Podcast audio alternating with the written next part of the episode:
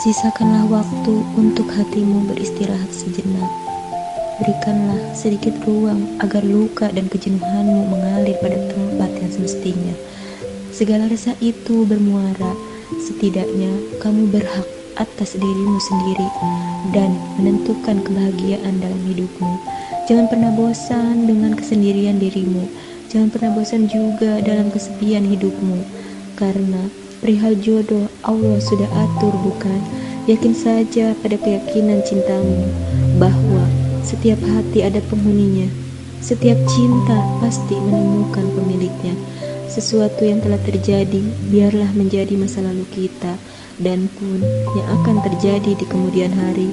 Percayalah bahwa itu adalah sebaik-baik rahasia Allah atas keajaiban maha kasihnya. Semoga kau dan aku dapat mengerti dan saling memahami hati dalam mencintai.